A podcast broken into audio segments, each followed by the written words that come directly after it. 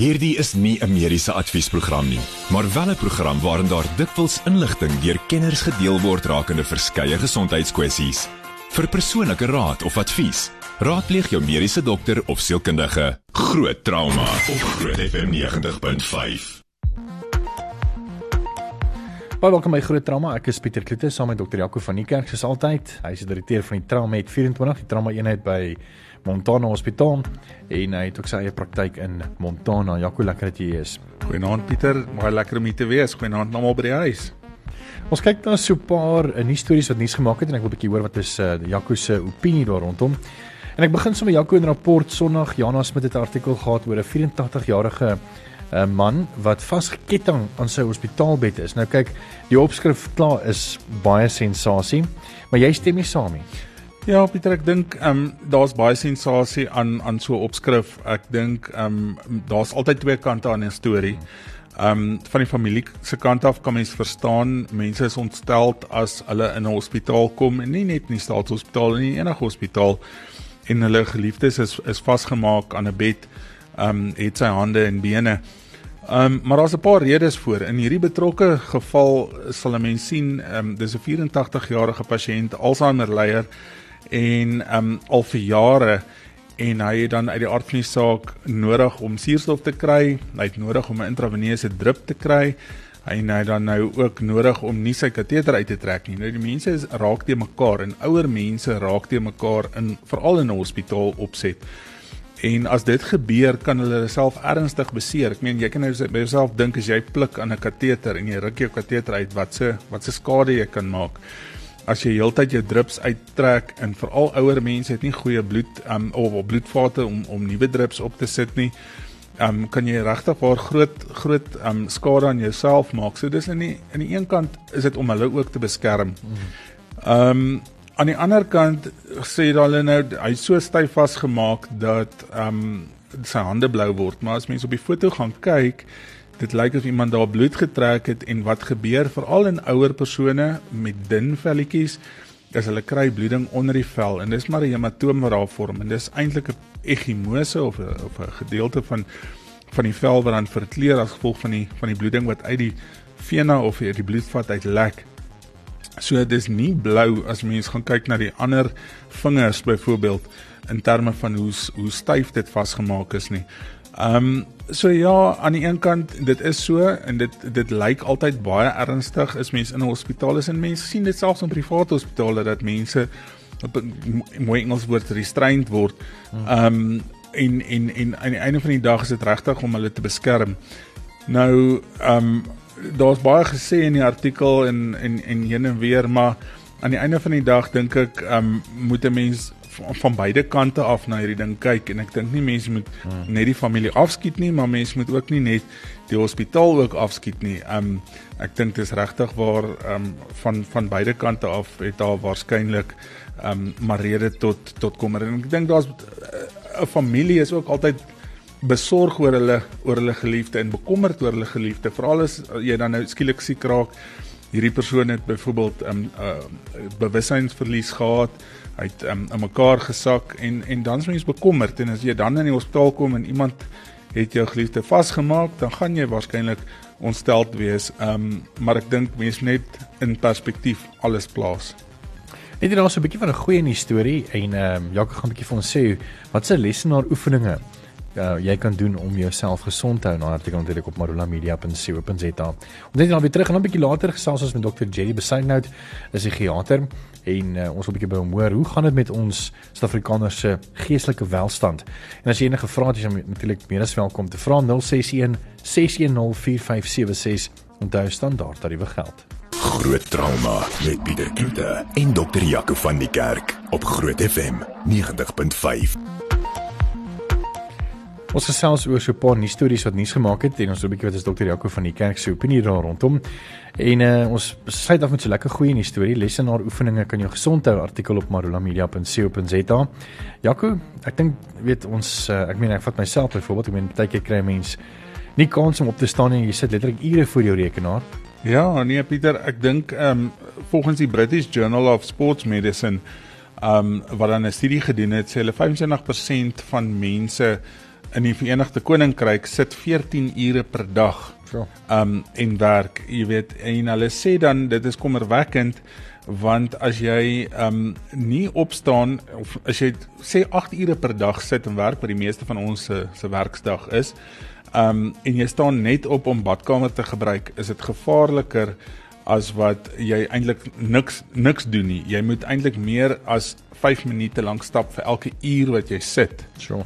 Um as mens so lank sit, dan gebeur 'n paar goed. Jou hele liggaam se metabolisme word vertraag. Jy kry dan 'n impak op jou bloedsuikervlakke, so dis waar baie van die tipe 2 diabetes um vandaan kom. Bloeddrukvlakke um sukkel om gereguleer te word en mense liggaamsvet sukkel om opgebreek te word. So aan die einde van die dag is dit eintlik 'n maklike manier om jouself gesond te hou is om elke uur of eintlik elke 90 minute wat jy sit, so 10 minute lank te staan of te strek. Um en dan 30 minute veel eisende of meer veel eisende oefeninge te doen as jy klaar gewerk het die dag. Meeste van ons is nie baie lus, ek weet nie van jou nie, maar ek is nie baie lus na 'n lang dag nog 30 minute strawwe oefening te doen nie. So ek dink ek sal maar gaan vir die vir die 10 minute elke 90 minute, maar wat wat lekker is is mense hoef nie noodwendig 'n gym te gaan besoek ensovoorts nie.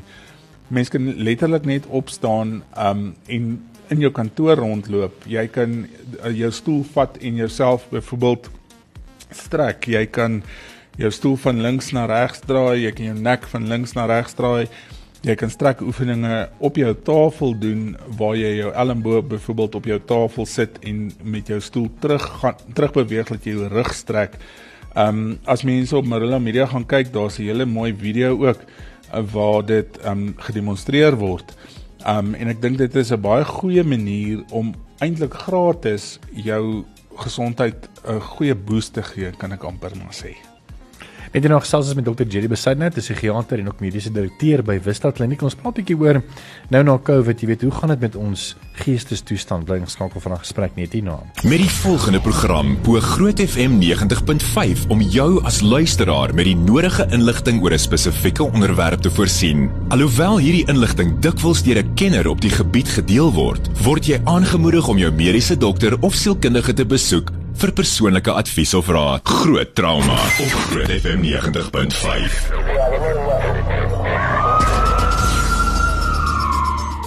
Baie welkom terug. Ek is Pieter Kloete saam met Dr. Jaco van die kerk en ons gas vanaand Dr. Jerry Besaidnout. Hy was letterlik ehm um, ek dink op so 6 7 maande net voor COVID ons die eerste keer geslaan het, was hy in die ateljee gewees. Ja, Goeienaand Pieter en aand Jaco. Goeienaand luisteraars. Nou Dr. Jerry Besaidnout is 'n psigiater en hy's ook 'n mediese direkteur van uh, die Vista Kliniek.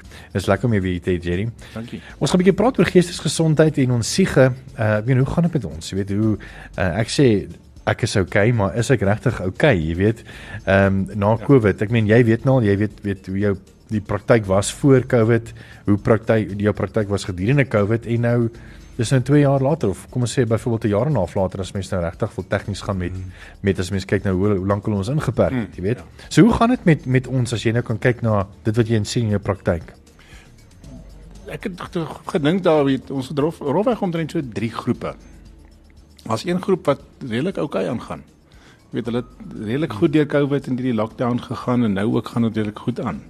En dan is daar 'n middelste groep wat ehm um, amper beter doen nou as wat hulle gedoen het voor lockdown. Dit is 'n klein groepie wat gegaan het en geleer het uit uit wat met hulle gebeur het en waarmee hulle gesukkel het en hulle werklik waar hulle vaardighede van selfbestuur het hulle verbeter. En dan het ons 'n groepie wat baie sukkel.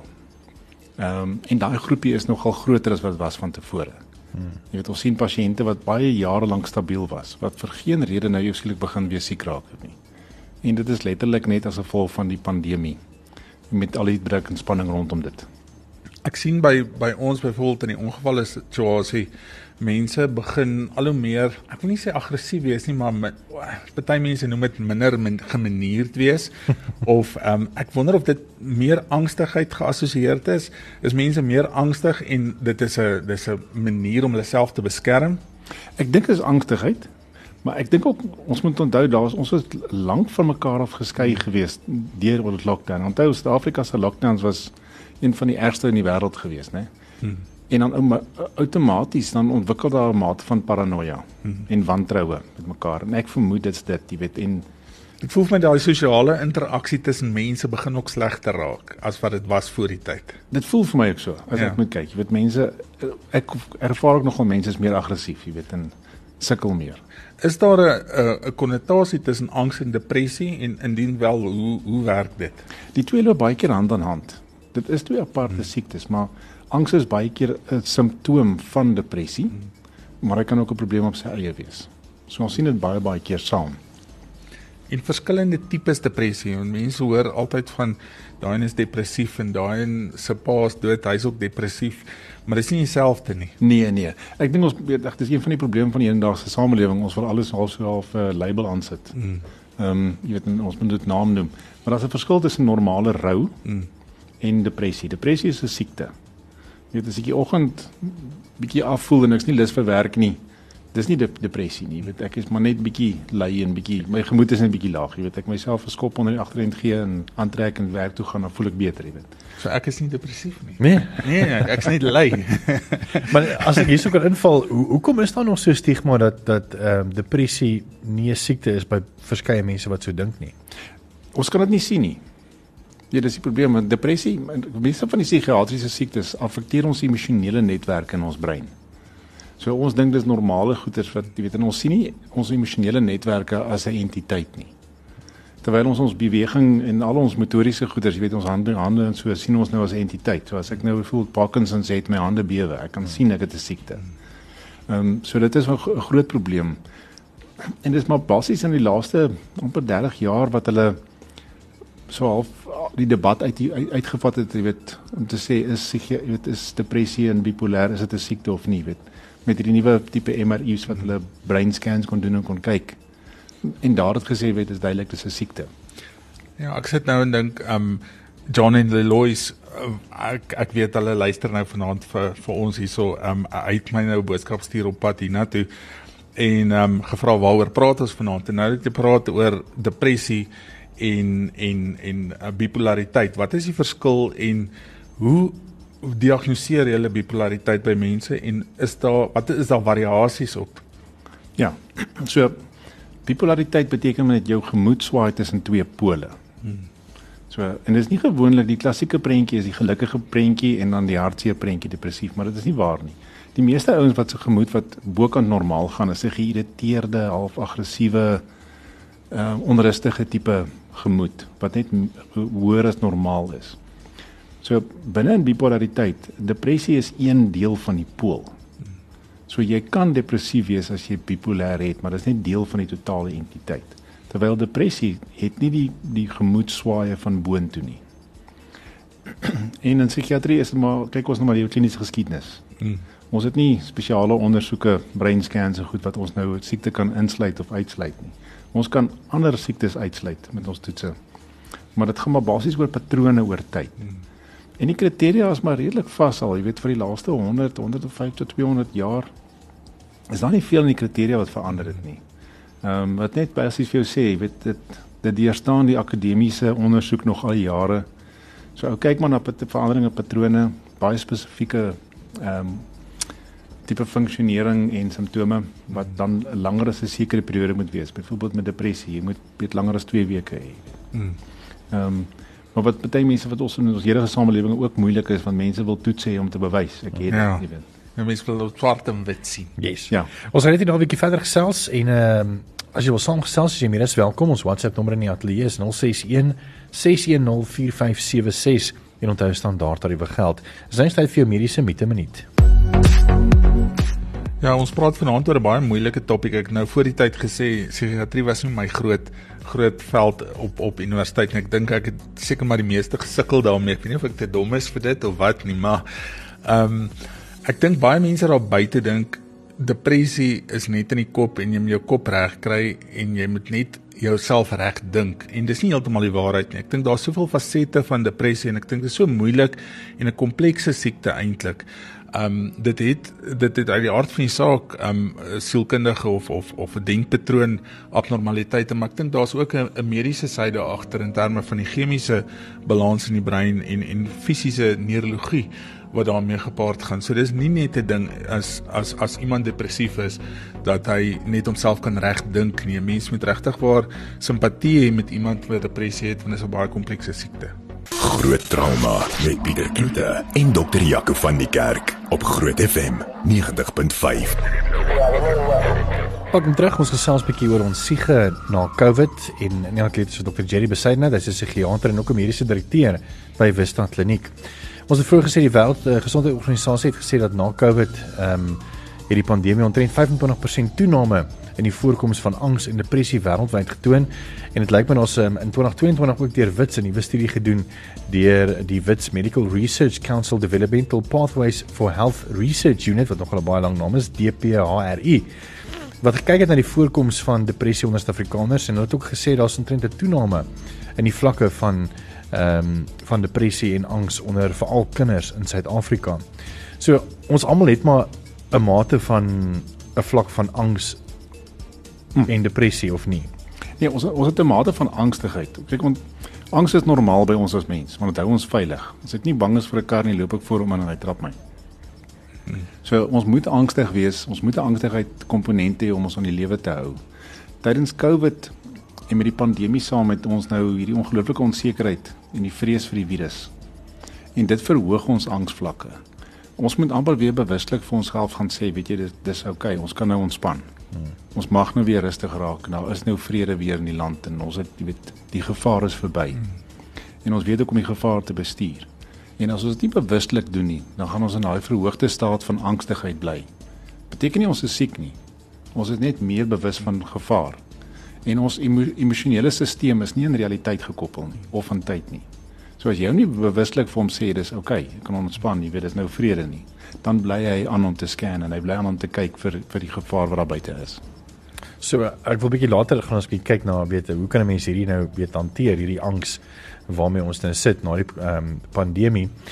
Maar hoekom uh, of is dit meer kinders wat sukkel deesdae met met angs ehm um, of is dit meer ouer mense of is dit eintlik maar dieselfde? Want as mens kyk na ehm um, met die ontwikkelingsfase van kinders veral weet in daai eerste jaar en 'n half en 2 jaar van COVID kon hulle letterlik nie ouers sien emosie wys nie want daar's maskers op jy weet. Ja. So het dit 'n invloed ook gehad op op um, kinders se welstand? Ag definitief. Kyk met die jongere mense so minder vaardighede het jy daai kleintjie kyk na pa en ma na die mense rondom 'n juffrou en na die maatjies om te sien hoe met hulle self bestuur. En met die maskers, weet van hierdie kleintjies kan glad nie die gesigsuitdrukkings lees nie. So hulle kan glad nie lees waar trek hulle en wat waar trek die maatjies nie. So die verwagting was maar redelik geweest dat ons vir omtrent 4 of 5 jaar tydperk na die pandemie nog gaan sukkel met akademiese uitkomste met die kinders. Hmm. Dat hulle moet opvang. Ehm um, hoekom sê akademiese uitkomste? Want Dag die kinders het weet hulle het, hulle het nie lank skool gegaan nie. Hulle was vreeslik onderbreek geweest. Hmm. As de, baie van die kinders te verhoogde mate van angstigheid gehad. So dan leer ek nie. Want as ek nie veilig voel nie, kan ek nie reël, leer nie. Ehm um, en die aanleer aanlyn leertegnieke was nog nie goed is nie by ons goed ontwikkel in elk geval nie. En min kinders doen goed daarmee. So daai hele gesamentlike prentjie het 'n impak gehad op ons kinders. En wat ek byvoorbeeld nou sien by die hoërskoolkinders is dat met 'n groot deel van hulle vormingstydperk was hulle weg van mekaar af gewees. So dat 'n groot klomp ehm um, skoolkultuur en skoolkennis amper al weggeraak en gewoontes en dit moet nou weer teruggebou word. En daai terugbou vat ekstra energie van die kinders, meer as van tevore en van die onderwysers. Ek dink dit is moeilik want dit is soos boublokke wat weg is. Mm. Nou moet jy dit eers terugsit, maar hy's eintlik veronderstel om verder al te wees in sy ontwikkeling, maar hy's eintlik nou redelik agter nog. Ja. Hy moet harder werk om daar te kom. Maar angstigheid is nie altyd sleg nie. Ek meen ek dink as ek nie angstig was nie, het ek dalk nou nog gesit op die universiteit en gesukkel om my eksamen deur te kom. so angstigheid kan ook maak dit 'n gesonde mate van angstigheid kan seker ook maak dat 'n mens beter presteer. Ja. Ja, nee, definitief. So dis nie 'n vyand nie. Mm. Jy weet dit hou ons definitief van lewe en as jy nie angstig is nie, dan gaan jy nie weet die stoof is warm nie. Mm. Jy het nie jou vingers weghou nie. Ek dink net dis belangrik want want baie mense dink die oomblik wat ek angstig is, moet ek anxiolytikum of 'n ding gebruik en dis nie noodwendig die waarheid nie. Nee, glad nie. Jy weet ons moet ons net leer om om dit te bestuur. Mm. Ehm um, in verskillende omstandighede. Die Amerikaanse sielkundige assosiasie stel dit so mooi, dis 'n algemene vaardigheid. Jy weet om om jouself te bestuur, om weer weet veerkragtigheid Dis 'n algemene vaardigheid. So dis nie aangebore nie. Hmm. Dis net aangeleer. So ons kan baie meer leer as ons net bewuslik dit doen. Ja. En dit begin by die ouers.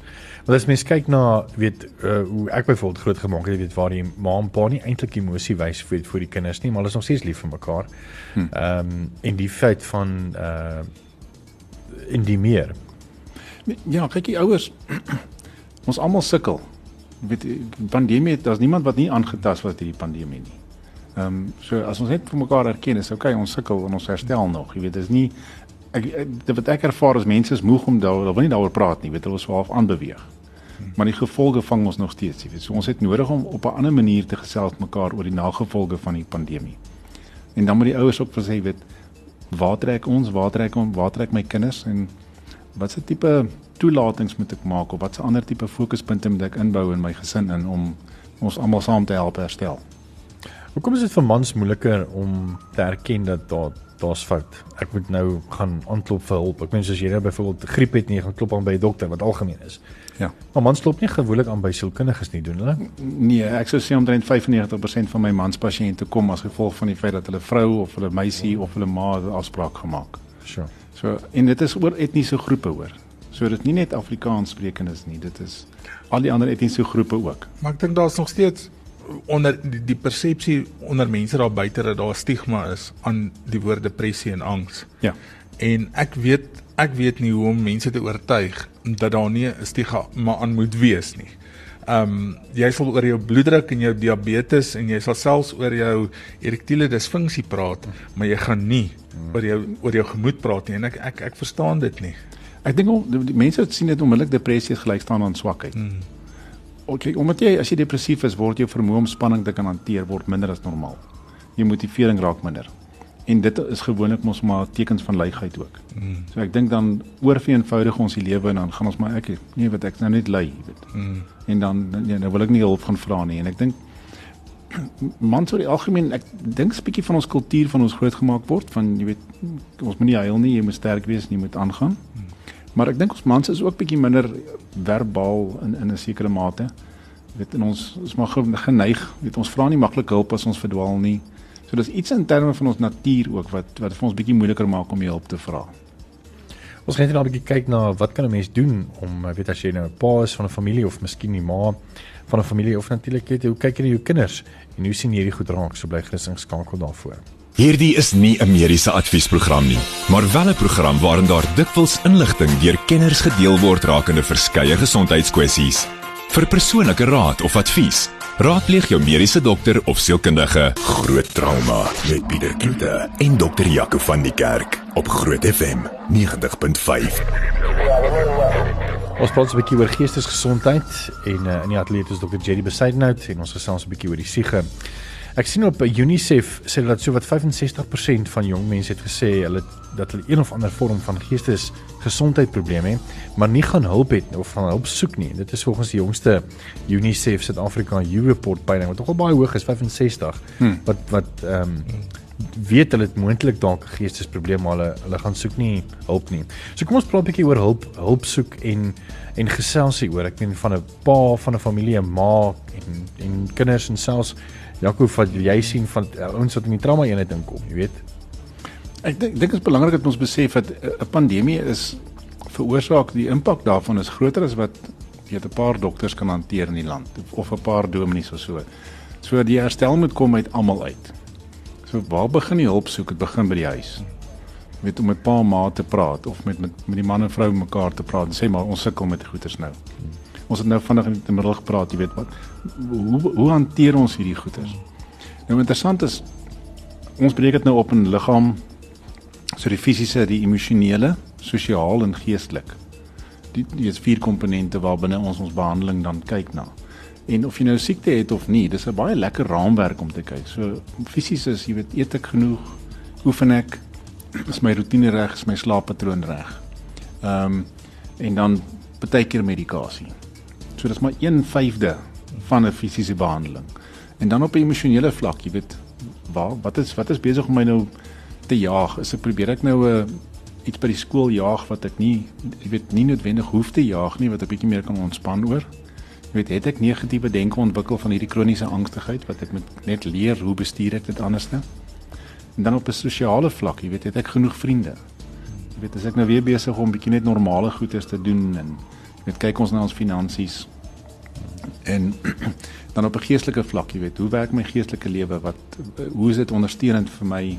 Waar is dit vir my 'n probleem? Want baie keer het ons 'n baie oorontwikkelde morele raamwerk en dan voel ons skuldig oor alles. Dan wil ons altyd regmaak met met met bid en met Bybel lees. Hmm. En dit is my lekker raamwerk vir weet vir ouers om te kan kyk na met 'n kind te gaan gesels. Jy weet, wat doen ons hierso? En wat ek baie keer sien en ek dink is 'n Gauteng probleem is hierdie hierdie dryf om die beste te wil wees en ons moet alspan speel en ons moet 10 onderskeidings kry en goed. Ek dink ons moet 'n bietjie vir mekaar op 'n bietjie realisties raak en sê goed, maar wat is werklik waar nodig? Ehm um, en, en ons is nie besig met 'n met met 'n met 'n kort afstand naloop hierson nie. Jy weet, hier is lang afstande. Ons moet onsself mooi pace, jy weet. En partykeer moet ons net na so groot ehm um, impak op ons samelewing vir mekaar sê ek ja goed ons gaan hierdie ding dalk nie bereik in 2 jaar nie. Met wat van 5 jaar? Is dit nie dalk ook haalbaar nie? En ek dink hoe meer ons daai gesprekke met mekaar kan hê hoe beter gaan ons uit hierdie situasie uitkom. Jy weet dat ons net hoef te hardloop eertyd na ons met 'n ekspert gaan sien en gaan kyk en ons met hierdie ding gaan probeer regmaak nie want dis ook een van die gevare is dat ons al fisiek dan alles wil koppel. Hmm. weet en dit is nie vir my gesonde beginsel nie. Ons moet kan probleme hê en dit self kan oplos.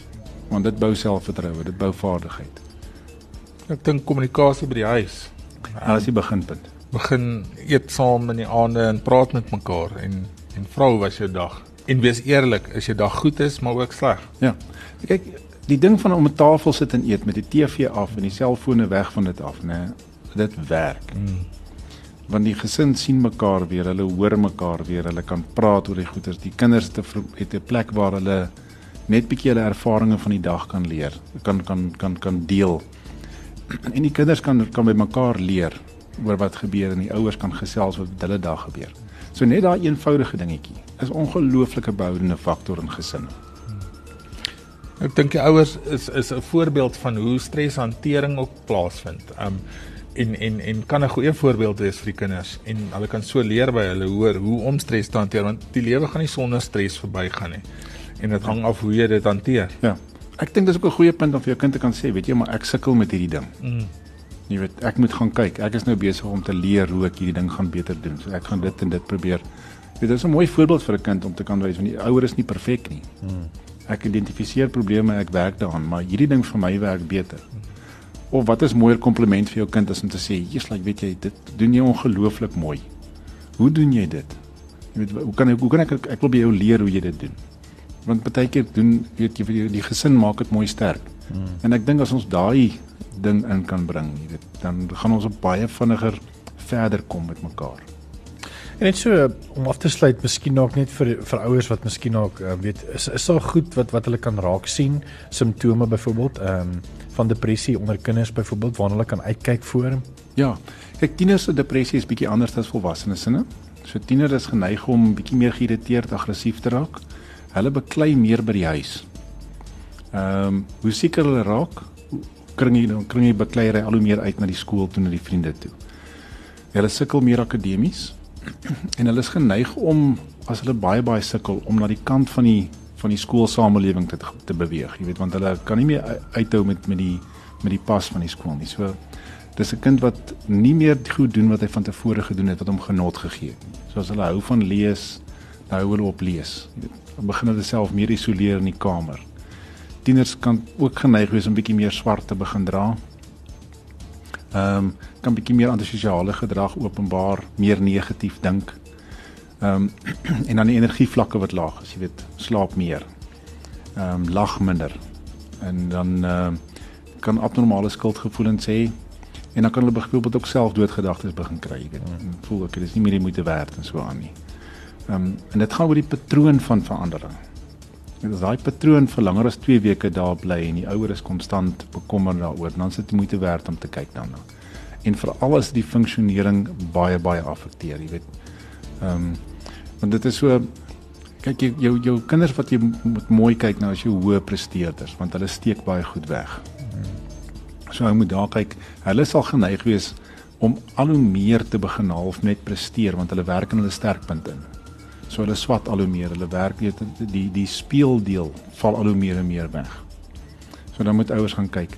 Uit my ervaring uit, die meeste ma's is is akkuraat as hulle bekommerd is oor, oor hulle kinders. So. Dis baie selde of weet ek nog 'n ma gekry wat 'n kind gebring het wat ek nie met haar saamstem dat daar probleme is nie. Ons kan dalk verskil oor wat is die probleem. Maar weet ek sou sê 98% van van ma's weet as 'n kind probleme het. So ek moet net sê jy weet ma's vertrou jou logika. Ja, ma weet altyd. en dan um, hoe sien vrouens dit in hulle mans raak want jy het nou gesê weet dit vir depressie verskil so 'n bietjie van van ja. tieners en en groot mense en hoe sien 'n man dit in 'n vrou raak? Of vrouens is geneig weet hulle raak depressief. Weet hulle tipiese ek voel 'n swart gat en ek sit en huil. Ehm um, gelag ook nie meer nie, geniet dit nie meer nie, het nie energie nie, motivering is swakker. Ehm um, en dan baie self van daai negatiewe denkprosesse en so en voel gouer oorweldig. Hmm. Mans is weer geneig om meer geïrriteerd, aggressief en kort van draad te raak. Ehm um, en hulle sal meer onttrek van die gesin dan ook. Net so jy kry dit en dan mans ongelukkig ons is geneig dan om meer destruktief te raak, jy weet, so kan meer begin drink of as jy ons rook meer begin rook ook, jy weet, dis maar alles maar wanaangepaste maniere om te om om die lewe te hanteer. Maar hoe hoe is, hoe sê 'n vrou byvoorbeeld vir 'n man hoorie maar ek dink jy moet hulp kry weet op 'n mooi manier want ons mans is mos maar daar is nie probleme nie. Tot hulle weet saam met die vrou by jou in die in die praktyk instap en dan kom hy agter na die tyd maar eintlik hier is 'n probleem. ja ja, sy vrou is reg, jy weet so. Ja.